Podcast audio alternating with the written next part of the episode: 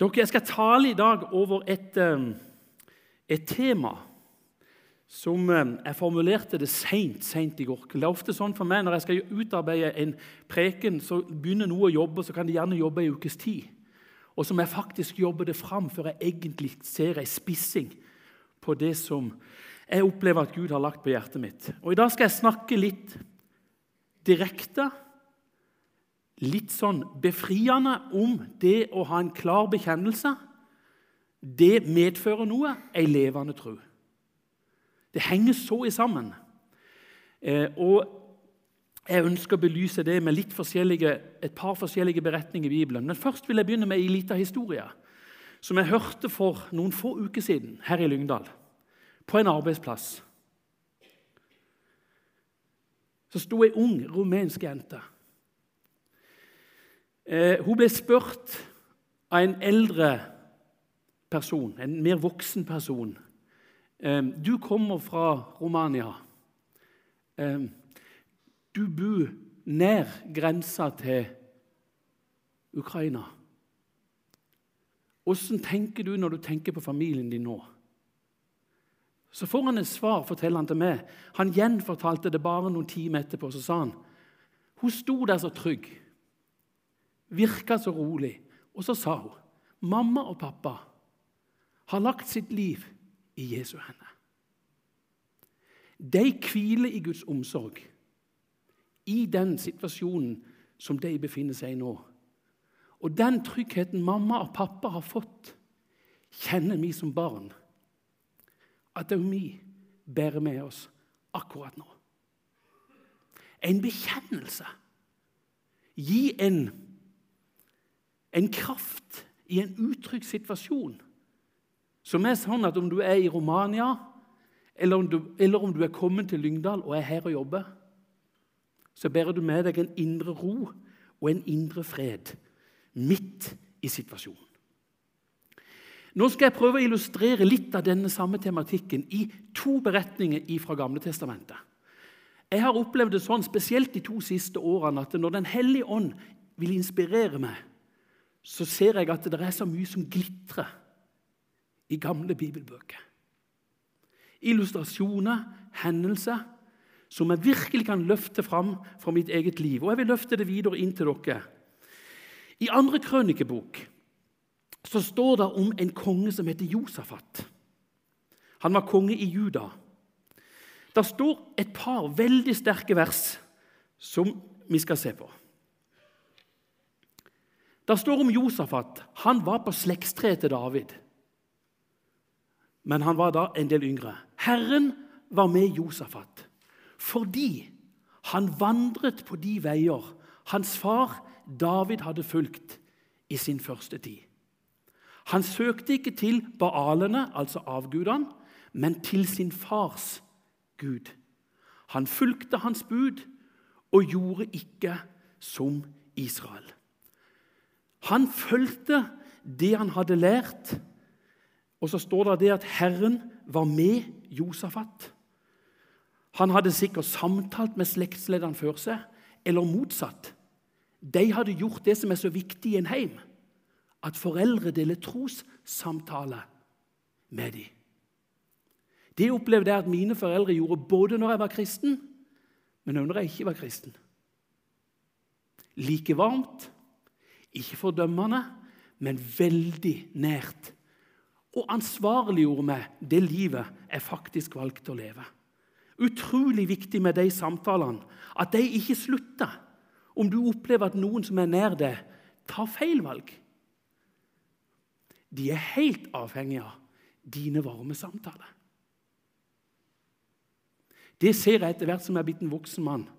Så godt at mine foreldre snakket med meg når jeg kjørte vilt i livet ute, så fikk de meg virkelig til å tenke både på det jeg gjorde, og på de mulighetene jeg faktisk ikke brukte. Men Herren var med Josafat, for han søkte råd hos sin fars Gud. Han valgte å følge Guds vilje, og så står det så sterkt at Gud velsigna han. Men så må dere legge merke til noe interessant. Hans mot vokste mens han gikk frem på Herrens veier. Han fikk også, han fikk også bort offerhaugene og astartebildene i Juda. To ting er helt sentrale her. Mens han lever som troende, så vokser motet. Erfaringer midt i hverdagen fører til at motet hos kongen vokser. Og så får han kraft til å ta et oppgjør med avgudsdyrkelsen som inntok landet. Han ble bærer av kraft fordi han søkte rett. Og han ble til hjelp for et folk. Et utrolig sterkt bilde. Nydelig lesing i Bibelen. Mens han går på Herrens veier, så får han større mot og stor kraft. Dere, hva forteller dette til oss? Det er klart, Her kan vi lære veldig mye. Vi ønsker òg å vokse i vårt trosliv. Uansett alder på det som lytter på meg her i formiddag, så sitter du med en lengsel etter å vokse i ditt trosliv. Og jeg er overbevist om én ting. Ikke ett menneske her inne vil si 'jeg er en troshelt'. Ingen. Alle kjenner vi på svakhet, dårlig karakterstyrke, brist i eget liv. Men hindrer det oss i å søke rett? Det gjør det livsviktig for oss å søke rett. Hva er det Gud viser oss i eksempelet med Josafat? Motet vårt vokser idet vi følger Guds vei og Guds vilje. I den tida vi lever i, overgitt til Gud, så vokser det fram styrke, relasjon med Jesus, gi vandringa kraft og stor erfaring midt i hverdagen. Hvis vi slipper opp eller gjorde det som de andre i samtida til Josafat, så sniker avgudsdyrkelsen seg inn. Han glir inn. Forfallet bare inntar oss hvis ikke vi er bevisst de valg Gud ønsker vi skal ta. Da mister vi tryggheten, ledelsen og motet. Og så har jeg lyst til å si en ting til dere som jeg syns er tydelig å se her. Hør godt nå. Gud viser oss at du og vi skal ikke først kjenne på styrke før vi går. Vi har veldig lett for å tenke sånn som kristne. Jeg kunne gjerne gjort noe i den situasjonen. Jeg kunne kanskje gått inn til det mennesket i den vanskelige situasjonen, men jeg må kjenne noe først. Gud sier ikke det er ikke sånn. Han sier styrken kommer når du går. I situasjonen senker Gud seg. Berører det og berører den som går Herrens vei og Herrens ærend. Motet og tilliten til Jesus vokser mens vi lever med Jesus. Jeg syns det er så fint, og Bibelen glitrer eksempler. Josafat sto fram, og han fjerna det som folket sleit med. Kanskje jeg taler til noen i formiddag som kjenner seg litt igjen i bildet. Men du kjenner deg kanskje mest igjen i det som de andre opplevde enn Josafat. Det at grumset er kommet inn i livet og du kjenner at du er preget av det. Noe ureint kan kanskje stenge for Herrens velsignelse, og det må ryddes bort. Gud vil vise deg at det skal bort. Du som kanskje er i ferd med å miste frimodigheten pga. noe som er kommet inn. Dere, i fredstid for oss i Norge i dag For de i Europa nå som lever i krigstid så ønsker Herren å si Jeg leder det, og jeg vil lede det, hvis jeg får lov. Da får du erfare Guds omsorg i Romania, i Ukraina, i Lyngdal, overalt. Erfare Guds kraft og Herrens velsignelse. Det er liksom litt hvordan tar vi valgene? Vi skal se på en en gammeltestamentlig hendelse til. Jeg skal gjenfortelle litt med ord, og så vil jeg at Bibelen skal fortelle i tekst hva som skjedde. I Daniels bok så står det om tre flotte menn, nære venner Daniel, som opplevde hva valg betyr. og hva valg kan bety for de som ser valgene dine.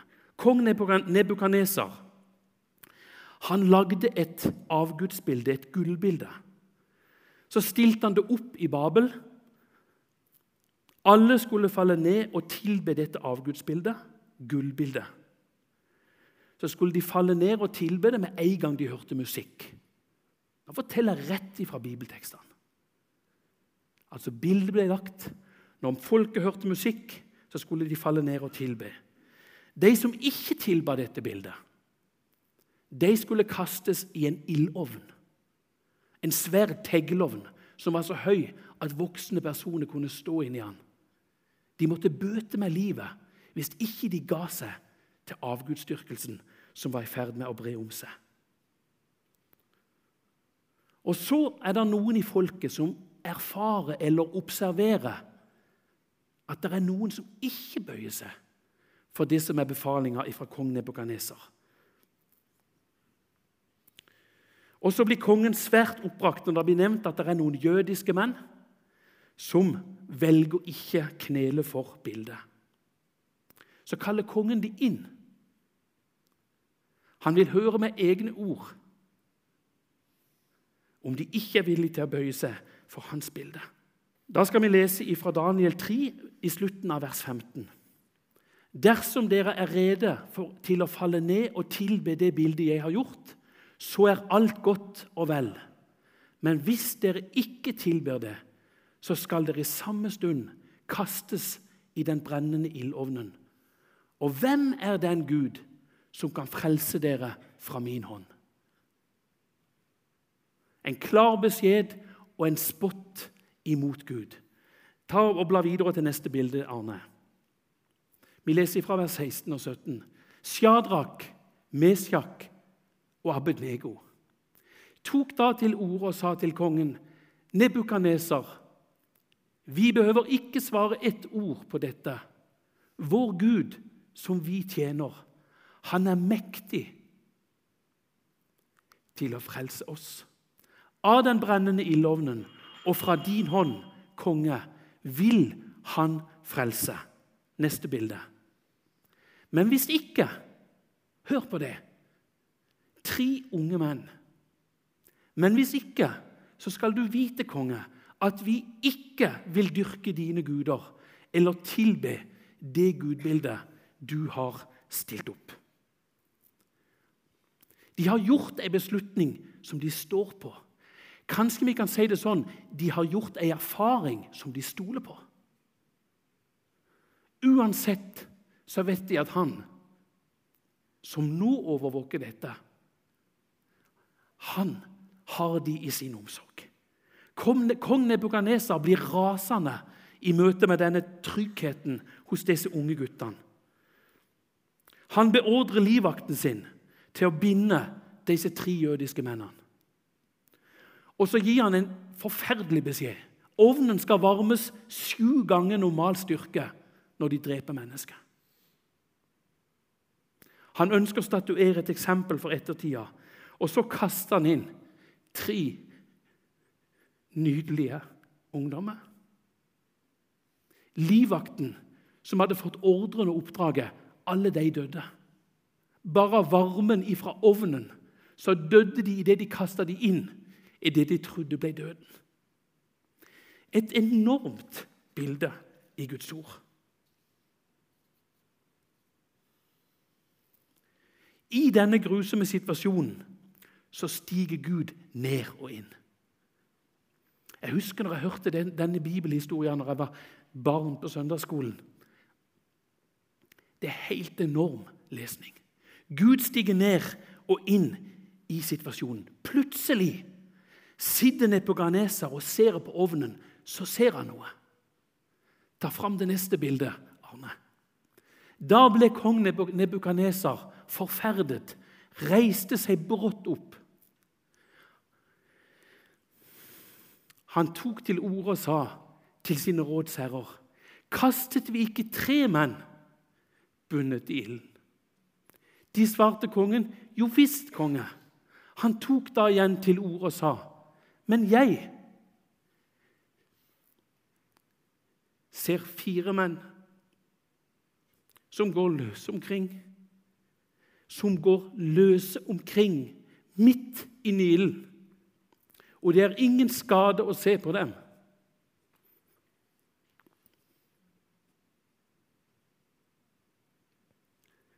Og den fjerde ser ut som en gudesønn.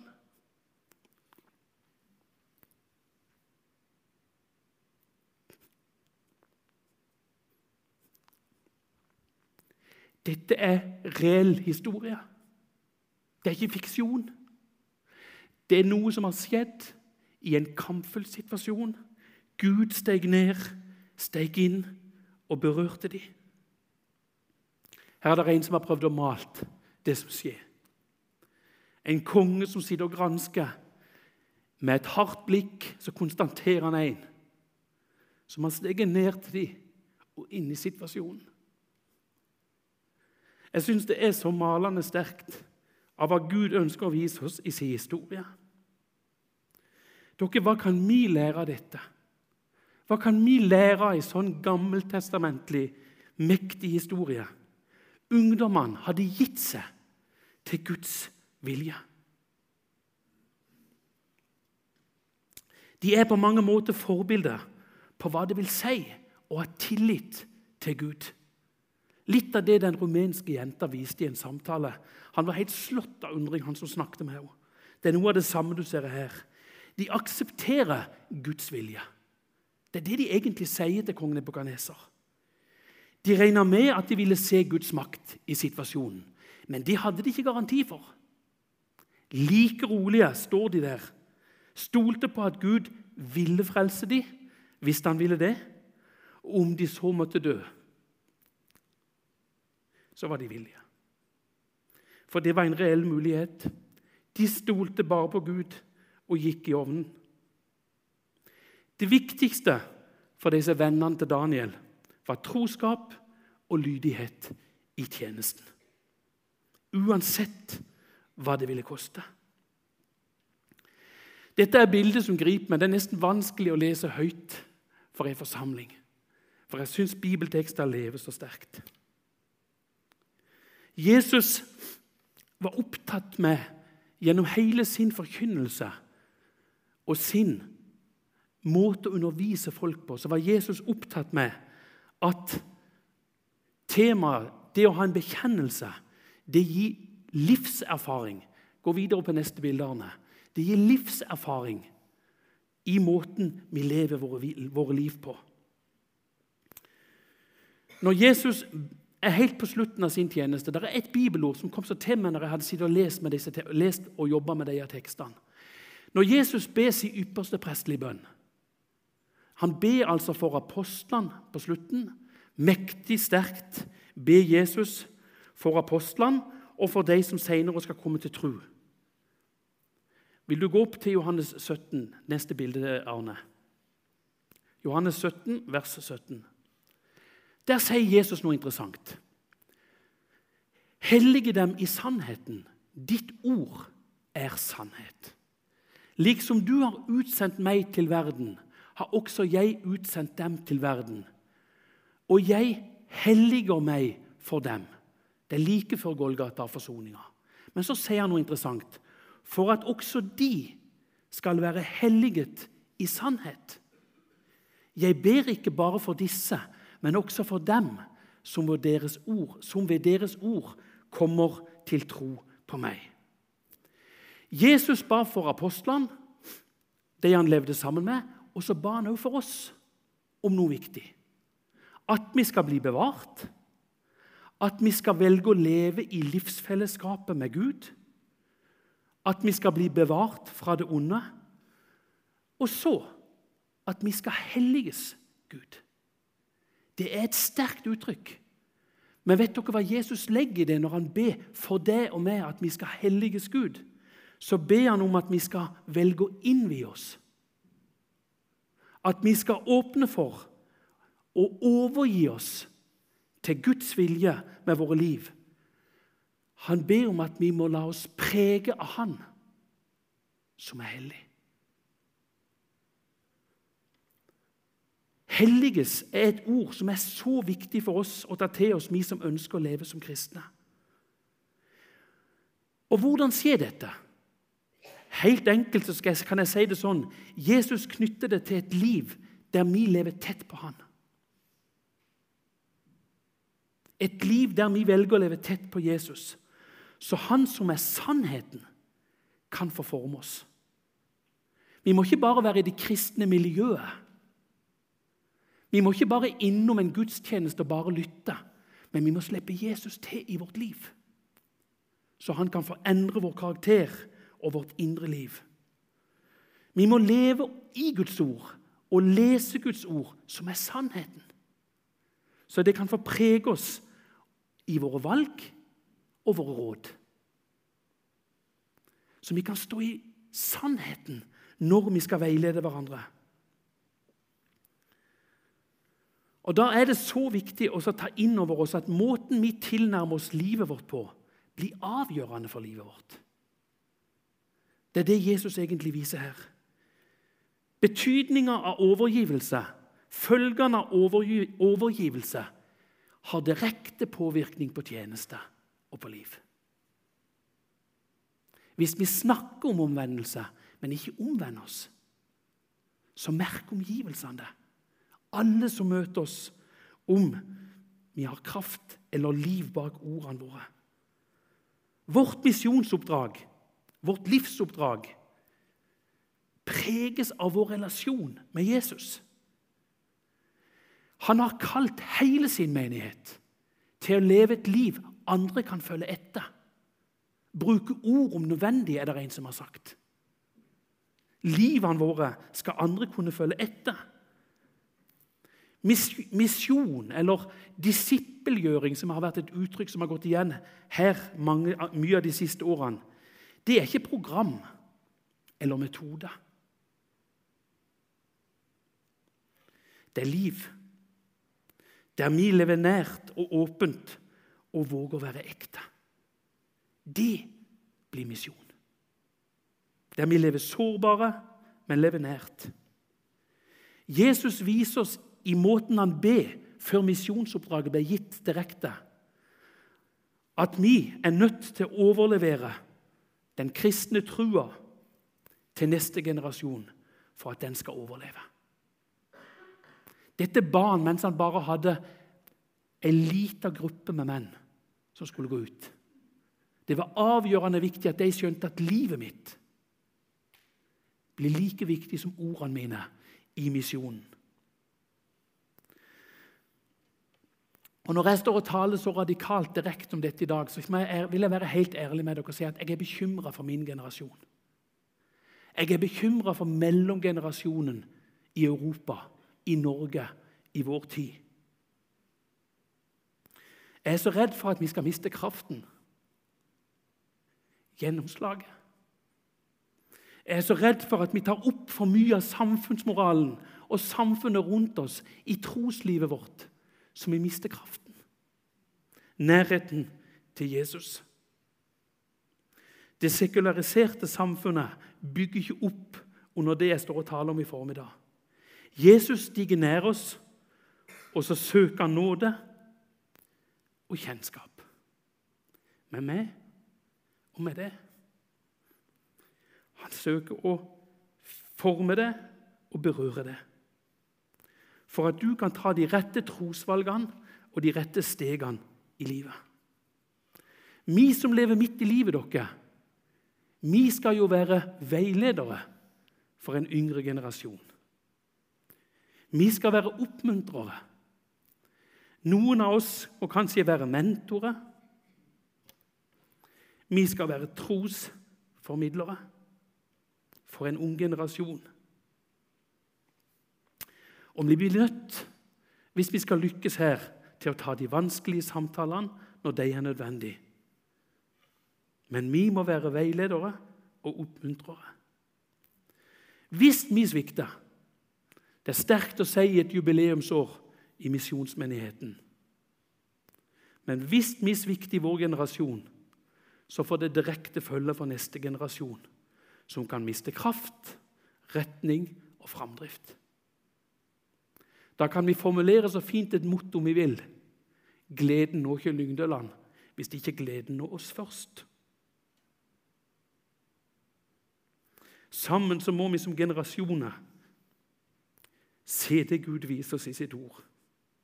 Kvalitet i tjenesten er mye viktigere enn kvantitet i oppgavene.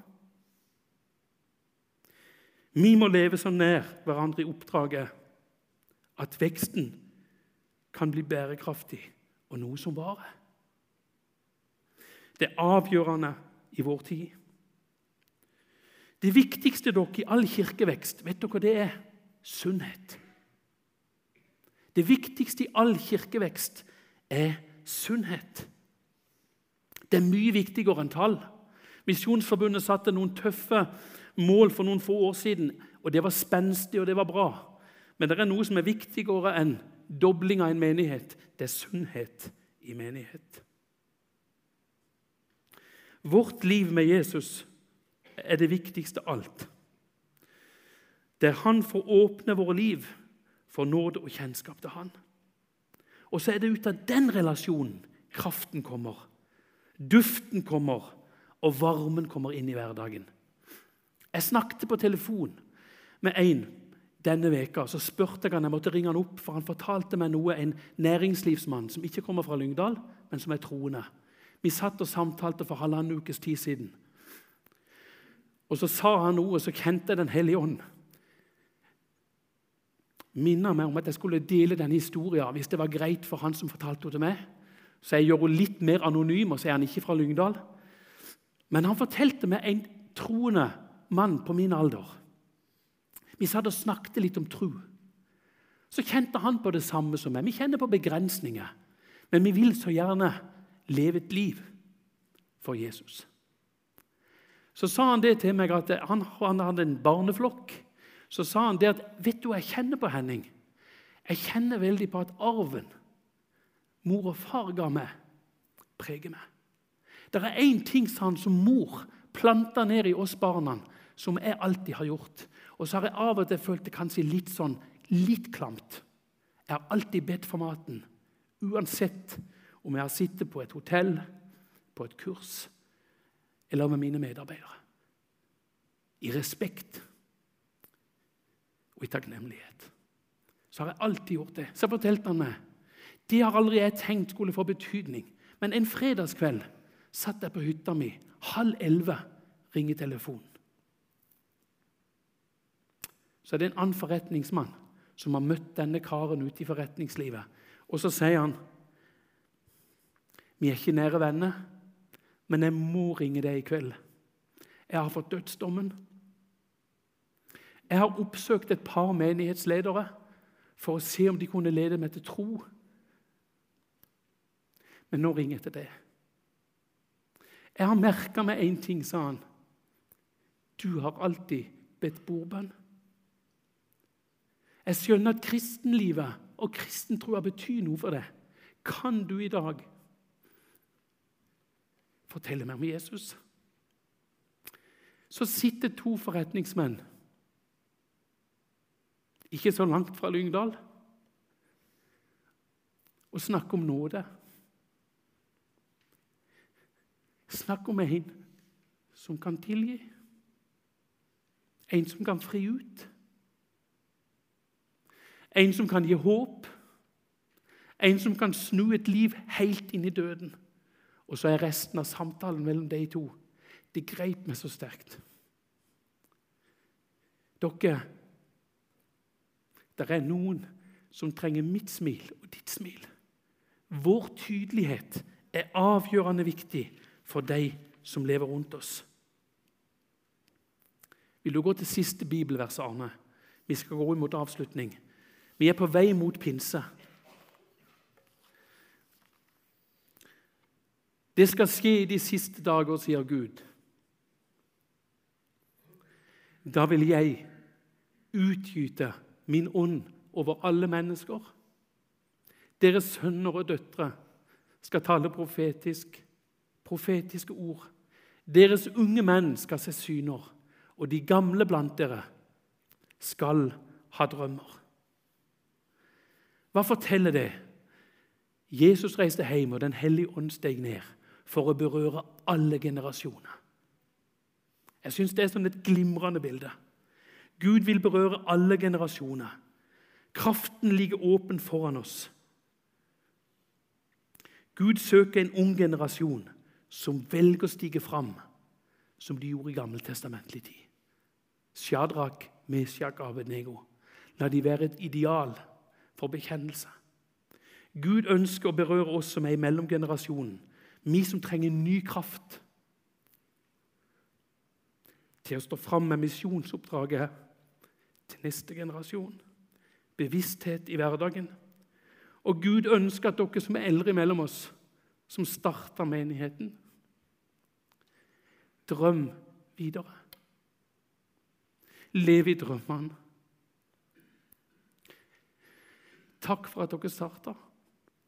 Må Gud hjelpe oss å fullføre. Fullføre med Han midt imellom oss. Jesus, jeg takker deg for ordet til oss i dag. Jeg takker deg for ditt ord, Jesus, som er så sterkt og fullt av eksempler på at du, Gud, ønsker bekjennelse for å få mulighet til å velsigne. Takk for at du en gang steg ned i en ildovn, brant av lenkene på de som var der. Det lukta ikke svidd av dem. Ingen brannsår. De sto der rødkinna, berørt av det. Det er noen av oss i formiddag Jesus, som trenger å se. Mitt liv trenger denne kraften. Jeg må åpne meg fullt ut for Jesus. Vi vil så gjerne være bærere av levende tro. Ikke bare gå i ei kirke. Ikke bare være medlem i Lyngdal misjonsmenighet, men at vårt navn står skreven i de bok. At du kan få bety noe for de unge, for oss midt i livet og for de eldre. Jesus. vær hos oss og berør din menighet. Vi ber om at vi kan ta oppdraget videre som du ønsker, på en god måte. At vi kan stå i misjonsmenigheten og tenne smil, bære ut kraft og stå sammen i enhet om det aller, aller viktigste. Lede mennesket til tro, og at det varer og veilede hverandre.